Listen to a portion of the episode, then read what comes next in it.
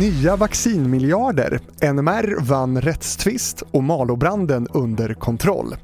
Här är TV4-nyheterna som först ska handla om vårpropositionen för 2021 som regeringen förhandlat fram tillsammans med Centerpartiet och Liberalerna och som släpptes tidigare idag. Totalt läggs åtgärder och reformer för ytterligare drygt 19 miljarder kronor fram. Störst utrymme får ett antal satsningar på att hantera effekterna av pandemin som jobb för unga. Finansminister Magdalena Andersson. Ja, det här är ett stort paket som jag kommer att presentera idag och det är just för de grupper som är svagast på arbetsmarknaden. Det är ungdomar, det är nyanlända och långtidsarbetslösa. Och det är bland annat för nyanlända om det man kallar kombinationsutbildningar när man går en yrkesutbildning och samtidigt lär sig svenska. Och Moderaterna vill se krafttag.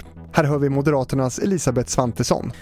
Frågan om trygghet, frågan om att pressa tillbaka arbetslösheten, den är ju rekordhög. Och det var den redan innan krisen. Här krävs det ju krafttag. Vi lägger fram vårt förslag om några veckor och det, vi kommer att fokusera på de två stora problemen. Att pressa tillbaka arbetslösheten och att stärka tryggheten.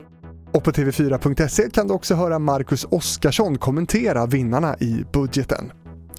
Svenska Akademin förlorar den rättsliga striden mot Nordiska motståndsrörelsen och Nordfront. Det uppger Patent och marknadsdomstolen idag.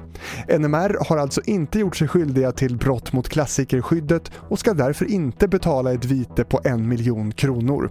Även det här kan du läsa mer om på vår sajt. Och till sist kan jag berätta om att branden som pågick under morgonen i Malå i Västerbotten var strax innan klockan 11 under kontroll.